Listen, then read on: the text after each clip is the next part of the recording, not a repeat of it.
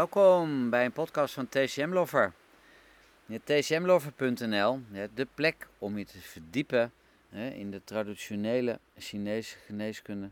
En we helpen jou als therapeut of als student op het pad van Chinese geneeskunde. Dat doen we middels onze abonnementen, trainingen en bijscholingen. En wil je meer informatie over TCM Lover? Kijk dan op tcmlover.nl. Veel plezier met het luisteren naar de volgende podcast. In deze podcast um, ga ik met jou verder over de Luomai. En in de Luomai, daar circuleert de Jingqi, een Ingqi, geschreven Griekse I-I-N-G. En die Jingqi die kan je, ja, die is nauw geassocieerd um, aan bloed. Hè. Die Jingqi is ook uh, de qi die je aanprikt um, met, jou, met jouw meridianen. En die Jingqi die stroomt dus in die Liuomai. En die Liuomai die zijn in staat hè, om ook weer nieuwe kleine Liuomai meridiaantjes te maken, zou je kunnen zeggen. Nieuwe bloedvaten. En dat gaan ze bijvoorbeeld doen um, als je heel veel emoties te verwerken hebt, of veel emoties um, te verwerken hebt gehad. En die emoties die worden dan opgeslagen in het bloed en het raakt op een gegeven moment natuurlijk overvol. Zo'n systeem kan overbelast raken. Of bijna overbelast raken, zou ik bijna beter kunnen zeggen. En ja, dan is die Luomai eigenlijk een soort opslagcentrum hè, waar die emoties um, tijdelijk kunnen verblijven. Eigenlijk net zolang tot het lichaam weer in staat is um, om die emoties te verwerken. Of zoals je wil, weer uit het systeem kan kieperen of te integreren. daar mag je je eigen beeld over, over vormen. En die Luomai die doen dat eigenlijk om de, ja, de organen te beschermen. dus die Luomai die creëren meer um, bloedvaten. En dat um, doen ze zo ver mogelijk van het lichaam vandaan. om die organen te beschermen. en ja, in die Jingqi, in die Luomai, dan, ja, dan blijft het bloed dus nog ver weg van de organen. en die emoties en die herinneringen, of uitdagende herinneringen die je hebt, want het zijn natuurlijk allemaal wel richtingaanwijzers in jouw systeem, die, ja, die blijven dan eigenlijk ook meer in de ledematen en aan de oppervlakte van het lichaam. Dat is ook de plek waaraan jij kan zien als therapeut of daar in de luomai, um, ja, of daar eventuele problemen opgeslagen liggen. want zo'n emotie komt eerst aan de buitenkant binnen, via de, via de en hoe reageer je erop, komt via je zintuigen binnen. en zo'n ervaring kan ze op een gegeven moment gaan internaliseren, die kan naar binnen gaan. en dat naar binnen gaan betekent dus dat die ervaring jou, ja, jouw bloed binnengaat. En als die ervaring voor jou voedend is, hè, en je kan daar iets uit leren, je kan het gebruiken, hè, dan blijft het bloed dus goed stromen. Hè, en helpt eigenlijk ook mee aan jouw spirituele groei. als maar als die ervaring um, ja, emoties oproept, of dan eigenlijk ook toxisch, toxisch worden, of ja, te veel, hè, net zoals de kshetchi, de ziekmakende chi, kan iets te veel worden, te heftig, te langdurig aanwezig. Ja, dan komt dat luo-systeem dus uh, in beeld. En ja, zie het maar als een soort opslagcentrum voor die emoties waar het lichaam zich op dat moment eigenlijk geen raad mee weet. en dat is dus te zien aan de oppervlakte van het lichaam. in die kleine, kleine haarvaatjes in de vorm van spataderen. Die kunnen eh, dikker worden, kunnen meer, zich meer manifesteren, kunnen ook donker kleuren. En allemaal in het gebied, in het verloop van die luomai. En we kennen totaal uh, 16 luomai, de 12 luomai die geassocieerd zijn aan de interne organen.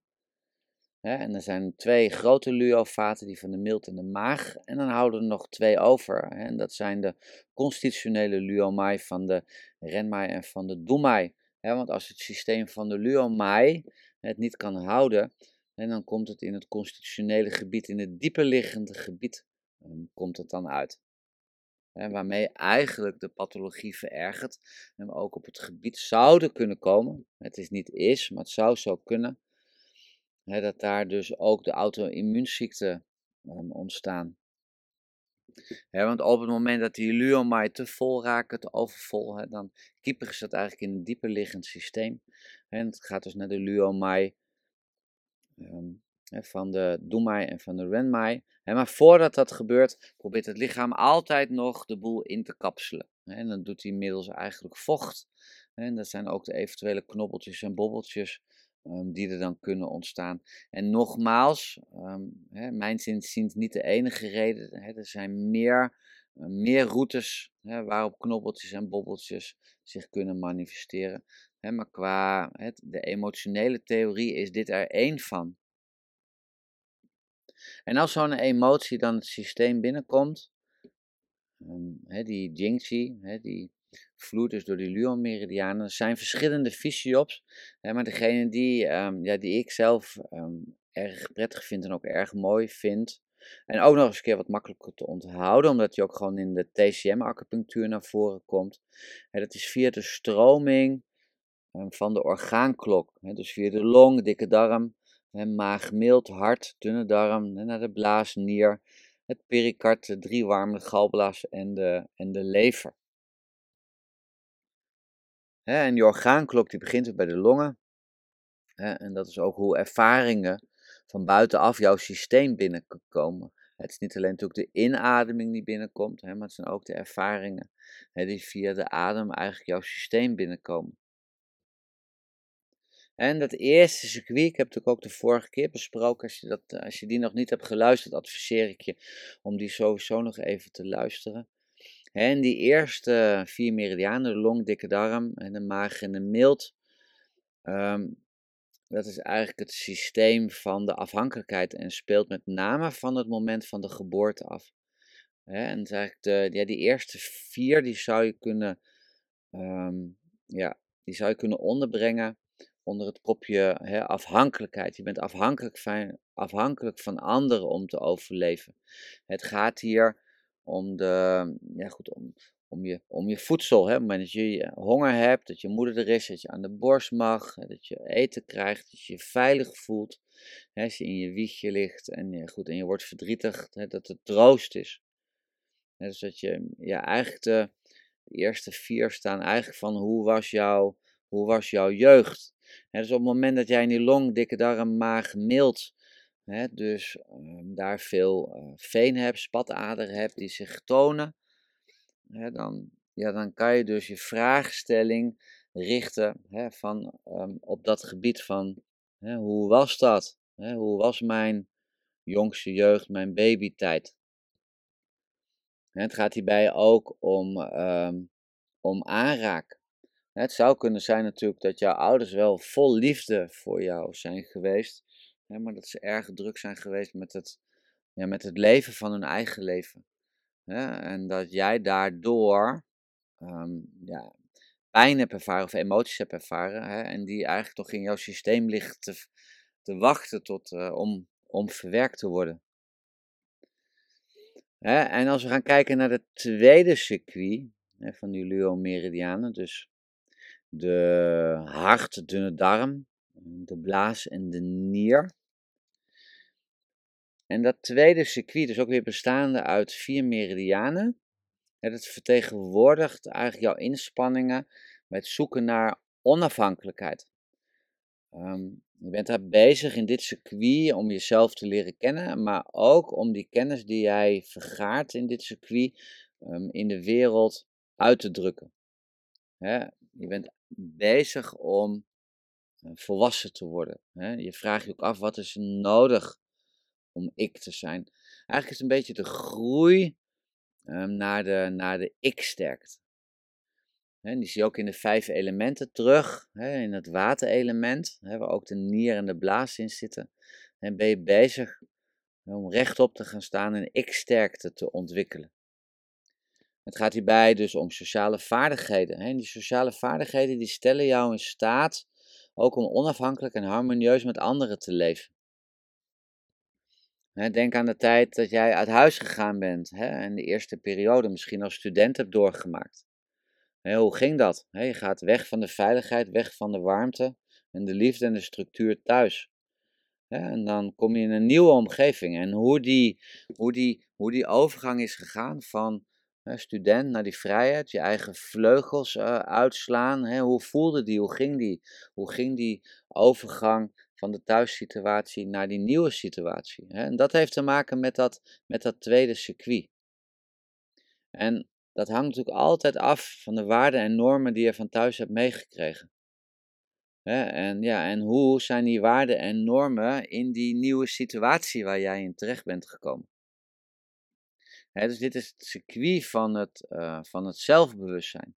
want heb jij van huis uit de gelegenheid gekregen om voldoende zelfbewustzijn te creëren, om dan het proces van jouw ik-sterkte te doormaken, van wie ben ik, van het individualiseren, maar ook het ontwikkelen um, van autonomie, van dat jij um, jezelf mag zijn. En als we naar het eerste punt gaan kijken, naar het uh, hart. Hè, en we gaan naar hart 5, hè, dat is het punt van de hartmeridiaan. En ja, als daar dus um, emoties in te zien zijn, hè, dat zie je dus door te kijken naar, hè, of in het gebied van hart 5, in het verloop van de hartmeridiaan, hart-luo-meridiaan, let op hè, dus de hart-luo-meridiaan. Als je daar dus die kleine adertjes die Venus ziet, heeft er opgezwollen of donker gekleurd. Die manifesteren zich daar als je niet in staat bent hè, om om te gaan met die uitdaging, om dat zelfbewustzijn te ontwikkelen. Het hart hè, ondersteunt het bewustzijn hè, van je gedachten en gevoelens. En ja, dat bewustzijn gaat weer in samenspraak met de I van het aarde-element. maar dat streeft voortdurend naar transformatie, naar groei, en je kan ook loslaten ehm, ja, wat er niet meer toe doet voor jou. het is puur jouw zelfontwikkeling. En samen met het zelfbewustzijn ehm, heeft het hart dus in zich om dus tot onvoorwaardelijke liefde, empathie en medeogen, mededogen te komen. dus hart 5 ondersteunt dus ook het vermogen om gedachten en gevoelens duidelijk te kunnen communiceren. Maar als het dus niet lukt, hè, dan wordt die ja, in latentie opgeslagen. Misschien ken je dat woord niet, latentie. Als iets manifest is, hè, dan laat het zich duidelijk tonen en laat het zich zien. En als iets latent aanwezig is, dan zit het als het ware in de ijskast of in de koelkast. Zeg maar gewoon te wachten om opgeroepen te worden. Het is een beetje een soort weggestopte emotie. En als die latentie dus wordt gecreëerd, kan het ook de beweging in de borstkas stoppen. En dan kan je dus ook een drukgevoel op de borst krijgen. Je krijgt pijn in het gebied van het middenrif. En ja, denk daarbij aan dan uh, gevoelens van verraad. Hè, maar ook het onvermogen om hele belastende, toxische emoties los te laten. En daardoor komen dus bewustzijn en die communicatie die komen in het gedrang. En naast, um, gebruikt worden natuurlijk als, hè, als punt voor het zelfbewustzijn wordt hart 5 ook vaak gebruikt, bijvoorbeeld voor stotteren, voor spraakproblemen. En dan zie je ook heel mooi um, die link met die emotionele verstoringen. Want het hart opent immers, op de tong. Dus ook um, als die cliënt bijvoorbeeld stottert, stottert of andere emotionele verstoringen heeft op het gebied van spreken. En dan kan je dus denken weer aan hart 5, het luo-punt, en ook die luo-meridiaan gaan onderzoeken. En dus kijken of je daar bepaalde opgezette venen kan vinden. De dunne darm, um, die scheidt zuiver en onzuiver. Hè, en haalt eigenlijk eruit wat voor jou van meeste waarde is dus neemt op wat voedzaam is en wat afval is, wat niet bij jou hoort, wat niet dient tot ook jouw spirituele groei. dus de dunne darm doet dat op het gebied natuurlijk van de fysiologie.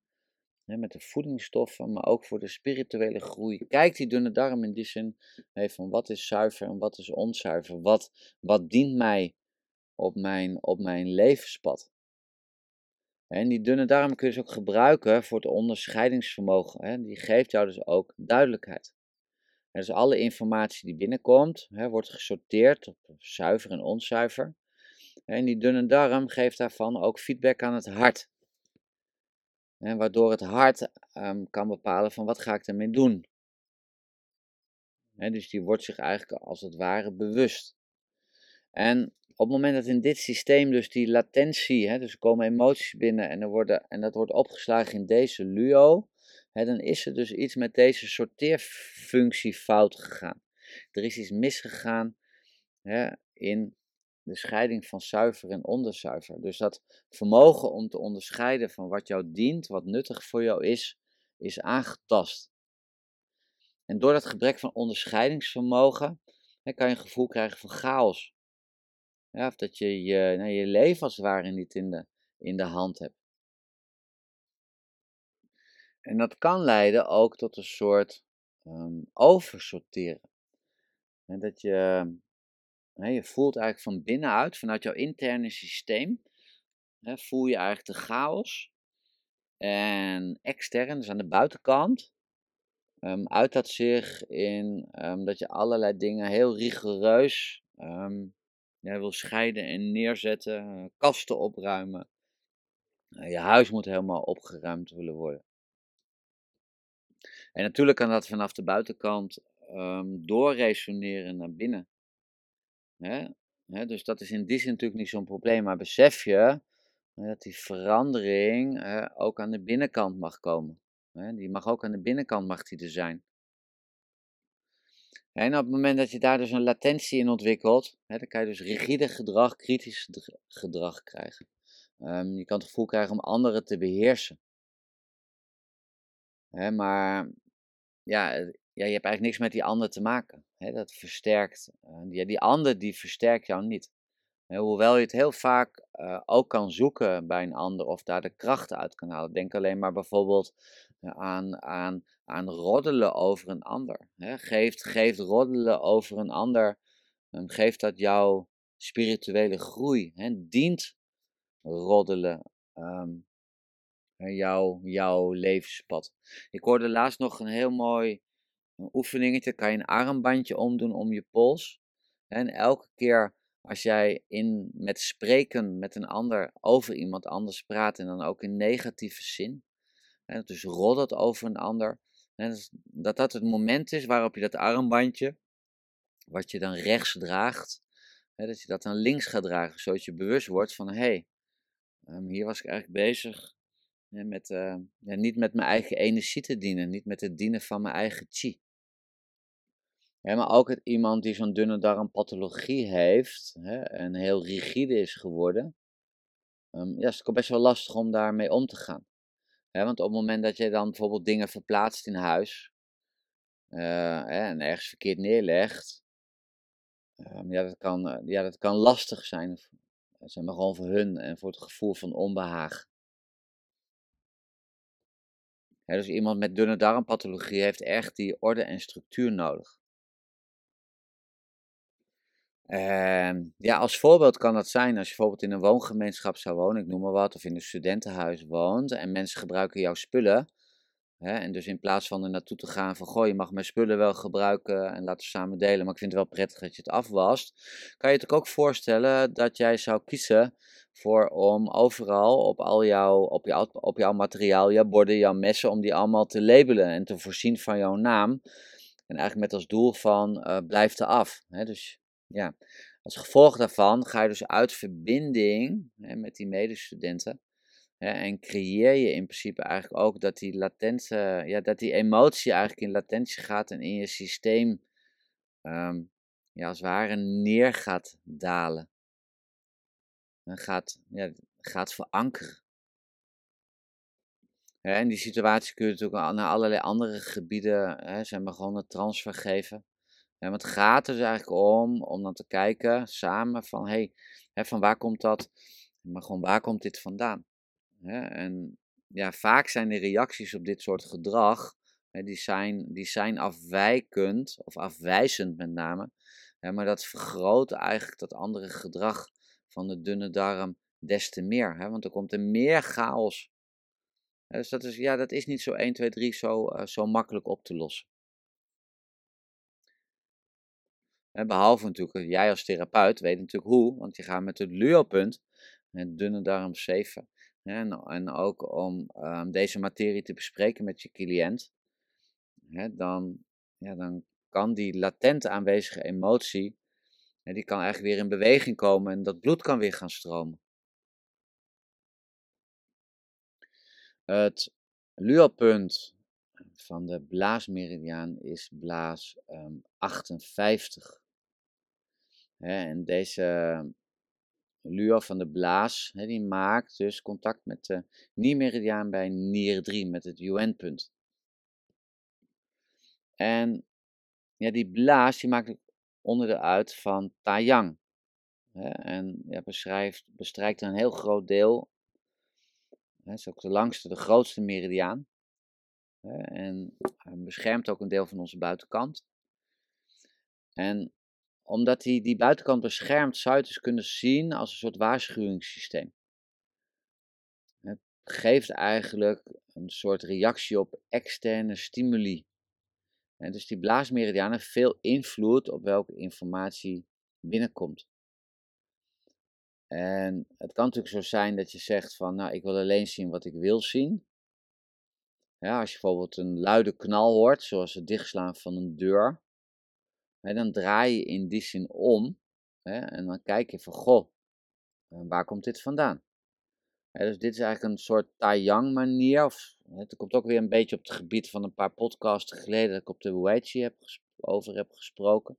Het komt van buiten naar binnen, in dit geval een luide knal, bijvoorbeeld dichtslaan van een deur. En van wat is er net gebeurd? Maar als je in een staat van angst leeft, dan zul je misschien, ehm, in plaats van je naartoe te draaien, zul je misschien bukken of je zult wegrennen. dus je bent niet, niet nieuwsgierig wat er net is gebeurd toen je die knal hoorde. Het is eigenlijk, maar je gaat over naar een reactie van wow, wegwezen van angst, van ik moet in leven blijven. je gaat ervan uit dat het geluid een bedreiging is. dus overal dreiging. En als je bijvoorbeeld in een gebied hebt gewoond waar veel harde geluiden waren, als je een oorlog hebt meegemaakt, je bent een soldaat geweest, of ze zijn ehm, een nieuw huis aan het bouwen en van die dikke palen aan het instampen. En dan zou die blaasmeridiaan dus zijn best doen um, om die chi en die vloeistoffen te gebruiken om dat geluid, die invoer van het geluid te bufferen. En met als gevolg dat je het op een gegeven moment niet meer hoort. Mensen horen op een gegeven moment een bepaald geluid niet meer. Die wonen langs de snelweg en ze horen het geluid niet meer. dus jouw reactie eigenlijk op die externe stimuli, die neemt af. En ja, als zo'n systeem dus daardoor te overbelast wordt, en dan kan dat dus leiden tot bijvoorbeeld paniek of ehm, hyperventilatie. En wat er dan gebeurt, is dat je zegt: Ik wil mezelf uh, beschermen. En dat kan je dus bijvoorbeeld doen door meer te gaan eten, zodat je bijvoorbeeld een vetlaag, een beschermingslaag ontwikkelt. Of dat je uitdeem ontwikkelt. Zodat je eigenlijk een externe beschermingslaag ontwikkelt, hè, zodat het minder makkelijk eigenlijk naar binnen kan komen. En als we naar de laatste meridiaan gaan van dit circuit, van het tweede circuit, is de niermeridiaan. Nier 4 is het luopunt. En de nier, het waterelement, waar, de, waar angst in zit, de emotie angst, de essentiële angst, bestaansangst, maar ook die ik-sterkte. En de vraag daarbij is, hoeveel kan je nog dragen? Hoe is de wilskracht om te leven? Hier hebben we het eigenlijk over posttraumatisch stresssyndroom, over paniekaanvallen, fobieën. Of het gevoel dat je kan sterven. En die angst heeft ook een hele negatieve invloed op jouw vermogen in het vertrouwen van een ander. En als we naar deze luo gaan kijken, dus die aan de binnenkant van de enkels zit, hebben nier 4. Hè, en ja, dit nier 4 maakt dus weer contact met, het, met het pericard. En pathologie in die nierluo um, beïnvloedt um, de nier-pericard relatie. Nou, ook wel bekend als de Xiao-Jin relatie. En als die relatie verstoord is, hè, want het pericard heeft weer ook te maken met het openen van het hart, het aangaan van kunnen relaties. En als die relatie tussen de nier en het pericard verstoord is, dan ja, dat maakt het heel moeilijk om erop te vertrouwen dat de wereld veilig is. En zonder dat vertrouwen, hè, elke keer als die angst wordt ervaren, um, ja, word je daar weer mee geconfronteerd. Dus die angst beleef je eigenlijk steeds weer opnieuw. En wat je ook vaak ziet in de praktijk, op het moment dat je nier 4 behandelt, het zijn met een naald, hè, of, met, uh, of met acupressuur in de vorm van shiatsu of twina. En dan zie je ook vaak die, die mensen op dat moment heel diep ademhalen. Hè, en dan zie je ook dat lichaam in een hele um, relax terechtkomen. Nou zijn we bijna aan het einde gekomen van het tweede circuit. In het tweede circuit gaat het dus om, om de strijd om je eigen persoon te worden. En dat hoeft niet per se te zijn zoals dat voorbeeld wat ik had gebruikt bij die student die uit huis gaat. Maar dat kan natuurlijk ook als je zegt van, ik woon nog gewoon thuis. Het gaat erom, hè, van die afhankelijkheid, streven naar onafhankelijkheid. En natuurlijk zijn er een plaatsen in de wereld waar hele gezinnen samenwonen. Hè? Zeg maar gewoon, daar heb ik het niet over. Want ook in het, in, het, in het samenleven in een gezin zit natuurlijk een spanningsveld tussen afhankelijkheid en onafhankelijkheid. En voor ieder is dat beleven van afhankelijkheid, onafhankelijkheid ook weer anders. er is niet een bepaalde maatstaf voor. Die maatstaf is voor jou anders dan dat die voor mij is maar vaak, als je naar een stilte gaat, naar, naar, naar een meditatie, na dit, nadat je dit onderwerp hebt aangeroerd, van hoe zit het met jouw afhankelijkheid, onafhankelijkheid, ervaar je daar nog strijd in, dan zou die cliënt ehm, ja, ook naar binnen gaan om daar zelf onderzoek in te doen. En die zou dan hoogstwaarschijnlijk ook met een antwoord naar jou toe komen, niet dat dat per se noodzakelijk is. Maar om nog even terug te komen. Hè, dus als je nog thuis woont op, bij je ouders, dan kan je natuurlijk ook gewoon onafhankelijk zijn. Het kan ook zijn dat je al 25 jaar weg bent bij je ouders, maar nog steeds in die afhankelijkheidscyclus zit.